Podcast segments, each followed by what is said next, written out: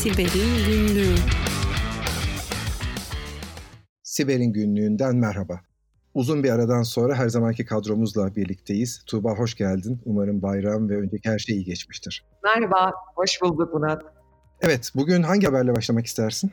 Ben biraz üçüncü sayfa haberi yapmak istiyorum Murat bu hafta. O nasıl olacak? Prens Harry ile Meghan'ın düğün fotoğrafları ve bazı özel fotoğrafları e, yayınlandı. The Sun'ın haberine göre internette bunlar şu anda erişilebilir durumdaymış. E böyle e, fotoğraflar çok çıkıyor. Paparazziler etrafında e, şey yapıyor, geziyor. Onları her fırsatta fotoğraflıyor. Bu haberin şey tarafı ne, önemli tarafı ne? Bilgisayarları, telefonları mı hacklenmiş? Fotoğrafçıyı hacklemişler. Hadi canım. Düğün fotoğrafçısı ve aile fotoğrafçısı aynı zamanda onu hacklemişler. Dolayısıyla bazı özel yani seçilmemiş, basına yansıtılmamış olan fotoğraflar e, basına yansımış vaziyette şu anda ve internette erişilebilir durumda. Anladım. İngiliz kraliyet ailesi için elbette kabul edilemez ama hani ben bu haberi ilk senden duyduğumda aklımda şey vardı. Çok uygunsuz fotoğraflar olduğu vardı. Ortamda bir de üçüncü kişi fotoğrafçı olduğuna göre o kadar uygunsuz olmasa gerek değil mi? Evet, The Sun gazetesi de az değil yani bu konuda. Ee, çok uygunsuz fotoğraflar sanki böyle private photos, private photos şeklinde yazmışlar. Fakat detayına indiğimiz zaman haberin sadece basit bir fotoğrafçının hacklenmesi yani seçilmemiş işte kaşı gözü yamuk çıkmış vesaire olan resimlerin aslında internette bulunduğunu anlıyoruz. Anladım. Yine de geçmiş olsun ama hani bu da bir başka açıdan önemli bir haber. Şöyle ki temel olarak düşündüğümüz zaman hackerlar, saldırganlar ya da bu durumda haberciler diyelim işte bunu şey, e, daha detaylı haber vermek isteyenler, tablo gazeteleri temelde şey yapıyorlar. Sadece ilgili kişilere değil onların fotoğrafını çekene de saldırıyorları da bu sayede anlamış olduk. Evet yine bir üçüncü parti haberi oldu bu da. Aynen öyle. Benim bugünkü ilk haberim ilginç. Benim de hani çok kullandığım hani tanıdıklarıma, arkadaşlarıma, zaman zaman müşterilerimize de hadi buraya bakın dediğim bir web sitesi var. Eminim sen de zaman zaman kullanıyorsundur. Have I Been Pound? Bilmeyenler için bu sitenin önemli özelliği dünyadaki en büyük veri sızıntısı veri tabanına sahip. Ve kendi e-posta adresinizi buraya yazdığınız zaman sızıntı veri tabanlarında burası var mı? içinde geçiyor mu? Daha önce sizin kullanıcı adınız, parolanız herhangi bir şekilde çalınmış mı size söylüyor. Bunun sahibi, kurucusu da bir güvenlik araştırmacısı Troy Hunt. Troy bilmiyorum neden demiş ki ben bu siteyi satılığa çıkarıyorum. Oldukça yoğun ziyaretçisi olan birçok kişinin kullandığı web sitesi ama anlaşılan birazcık paraya ihtiyacı var e, ya da bundan bir şekilde bir nakit sağlayıp başka bir planı var Troy'un. Bunu satmak istiyor. Takip edeceğiz çünkü kim alacak, alan ne yapacak? Çünkü içeride son derece hassas bir takım bilgiler de var biliyorsun Tuğba. Kesinlikle. Acaba hep şeyi merak ediyorum. Yani ben de Have I Been Pound çok sık tabii ki kullanıyorum. Bunu kullandığımızda yarattığımız sorguları arka tarafta bir şekilde kaydediyor mu? İtiraf edeyim şeyini ezbere hatırlamıyorum. Ee, ilk girdiğimde baktığımı anımsıyorum ama dönüp de işte oradaki gizlilik ve politikasını anımsamıyorum. Ama Troy Hunt saygıdeğer bir adam. Dolayısıyla eğer o politikada tutmuyorum dediyse tutmuyordur. Ama hani tutuyorum dediyse ya da bununla ilgili bir şey yazmadıysa da o zaman da burada çok sağlam başka bir veri var öyle değil mi? Kesinlikle evet. Yani hacklendiğinden şüphe etmek de zaten tek başına hack sebebi olabilir. doğru, doğru. Sana olan yaklaşımı değiştirecektir. Kesinlikle. Bugünkü ikinci haberin nedir?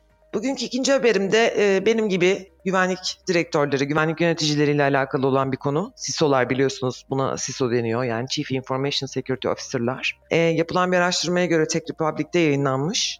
Ben ve kader ortaklarımın zaten %33'ü herhangi bir e, veri sızması durumunda ya da büyük bir güvenlik vakası yaşamaları durumunda kovulacaklarını biliyorlar. Bir anket yapılmış Amerika ve İngiltere'yi kapsayan. Epey de şirket katılmış yani yaklaşık 5000-7000 civarı bir şirket katılımı durumu söz konusu. Ve burada şirketlerin e, iş liderlerine yani CEO'lara ve yönetim kurulu üyelerine e, sorulduğunda bu insanların %90'ı güvenlikle ilgili yeterli kaynağı bulamadıklarını, üretemediklerini söylemelerine rağmen herhangi bir veri sızması ya da herhangi bir vaka durumu söz konusu olduğunda e, ilk olarak e, benim zavallı meslektaşlarımı kovacaklarını da kabul etmiş durumdalar. Evet bu haberi aslında başka iki bilgiyle birleştirmek lazım. Ee, bazı meslektaşların diyeceğim sen olayın daha savunma tarafında olduğun için bana göre. Ee, şöyle bir cümle kuruyorlar. İşte ben bunu söyledim bir şey olması durumunda ben demiştim diyeceğim diyorlar. Demek ki ben demiştim diye olmak işi korumak için yeterli olmayacak bir kere bunu anladık. İkincisi aynı ankete ben de göz attım. Aynı ankette diyor ki yine üst düzey yöneticiler ki %76 gibi neredeyse işte dörtte üçlük bir oran. Hani yeterince güvenlik önlemimiz yok ve dolayısıyla mutlaka başımıza bir şey geleceği de biliyor ve kabul ediyor CEO'lar ve diğer daha da üst yöneticiler. O zaman buradan şunu anlıyoruz. Aslında CISO'ların görevlerinden bir tanesi de günah keçiliği. Yani Burada bir olay olacak. Bunu engelleyebilecek yeterli önlemleri almış durumda değiliz. Gerekli kaynakları ayırmadık. Zaten istesek de yapamayacağımızı biliyoruz. Ama bir şey olduğu durumda da CISO'ya evet sen elinden geleni yaptın demeyeceğiz. Ona günah keçiliğini yükleyip işten atacağız demek. Allah yardımcınız olsun. Her zaman B planını yanınızda bulundurun o zaman bunu anlıyorum. Evet Murat maalesef bizim sektörün de gerçeği bu. Ee, dediğin çok doğru. Bir yerde e, bir verdiğim bir röportajda ben de CISO'nun anlamını e, Chief Impending Sacrifice Officer olarak yazmıştım. Nasıl çevirirsin bunu Türkçe'ye? Çaresizce kurban edilen günah keçisi desek evet belki daha doğru olur Türkçesinin tam karşılığı. Ben hep söylerim bunu e, bilimum oturumlarda. Biz e, kefenimizi giydik çalışıyoruz arkadaşlar. Yapacak bir şey yok. E, elimizden geldiği kadar üst yönetime e, bu yatırımların neden gerekli olduğunu, ne tür yatırımlara ihtiyaç duyduğumuzu, ne tür risklerle yüz yüze geldiğimizi yine yine ve yeniden her zaman anlatmamız gerekiyor.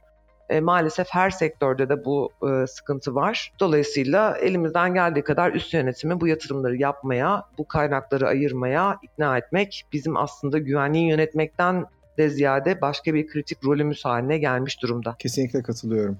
Benim bugünkü son haberim izinle hemen geçiyorum zamanı etkin kullanmak için biraz böyle hafif iç rahatsız edici beni en azından okurken üzdü, hüzünlenmeme neden oldu. Bir New York Times haberi hafta başında gözüme çarpan bir kız annenimin telefonunu hack etmek zorunda kaldım diyor. Niye diye bakınca annesi geçen haftalarda vefat etmiş. Telefonunun içinde çok miktarda işte annesinin anısını barındırdığını biliyorlar elbette. Bu dosyalara, bu belgelere ulaşmak istiyor ailesi. Yani bir anlamda dijital dünyadaki annesinin sahip olduğu güzellikleri miras yoluyla almak istiyor. Fakat telefonlar açılmadığı için de ya da bilgisayarlar açılmadığı için de bunu yapamıyorlar. Bir süre önce yaklaşık 5-10 yıldır dijital miras gündemde. E, bununla ilgili bir takım çözümler zaman zaman çıkıyor ama yeterince yaygınlaşmıyor. Tabii çok üzünlü bir konu. Yani ben ölürsem bunu başkaları alsın diye böyle bir uygulamayı yüklemek ama hepimizin başına gelebilir. Hepimiz her an ölebiliriz. Hani bunu kötü bir şey olarak söylemiyorum. Hayatın doğal bir parçası olarak söylüyorum. O zaman e, arkada kalanlara da bizim sahip olduğumuz şeyleri paylaşacak bir yapıyı kurgulamamız lazım diye düşünüyorum. Ne dersin?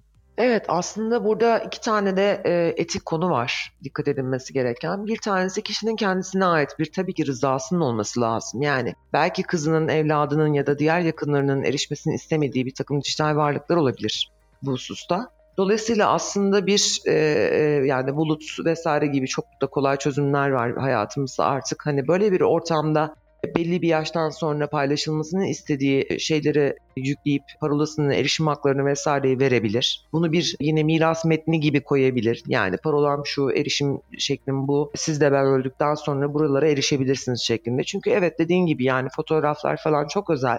Ama e, oradaki biraz da e, ölen kişiyle geride kalanların arasındaki yakınlık mertebesi de bir o kadar önemli. Mesela ben şu anda annemin telefonunda herhangi bir arıza olması durumunda müdahale edebilmek adına parolasını bilirim. O benimkini bilmez ayrı konu ama ben bilirim mesela yani. Anne kız biraz farklı oluyor. Doğrudur. Ben bu podcast'i dinlediğini varsaydığım tüm erkekler adına hatta, hatta büyük olasılıkla çoğunluk erkekler adına siz ve annelerinizin arasındaki ilişkiye girmemeyi çok uzun zaman önce öğrendiğimizi biliyoruz. Babalar günü e, e, vesilesiyle ben de senin babalar gününü kutlamış olayım. Çok teşekkür ederim. Çok naziksin ve dinleyicilerimizin de aynı şekilde ama e, hiçbir kız evladın e, kendi babasına şifre falan vereceğini sanmıyorum. Özellikle cep telefonunun e, paternini falan da vereceğini sanmıyorum. Ama belki babalar biraz daha masum oldukları için kız evlatlarıyla paylaşabilirler. Biraz e, hafif böyle iç burucu bir haber oldu ama bu haftaki son haberimiz de buydu. Herkese keyifli ve güvenli haftalar diliyorum. Hoşçakalın. Güvenli haftalar. Hoşçakalın.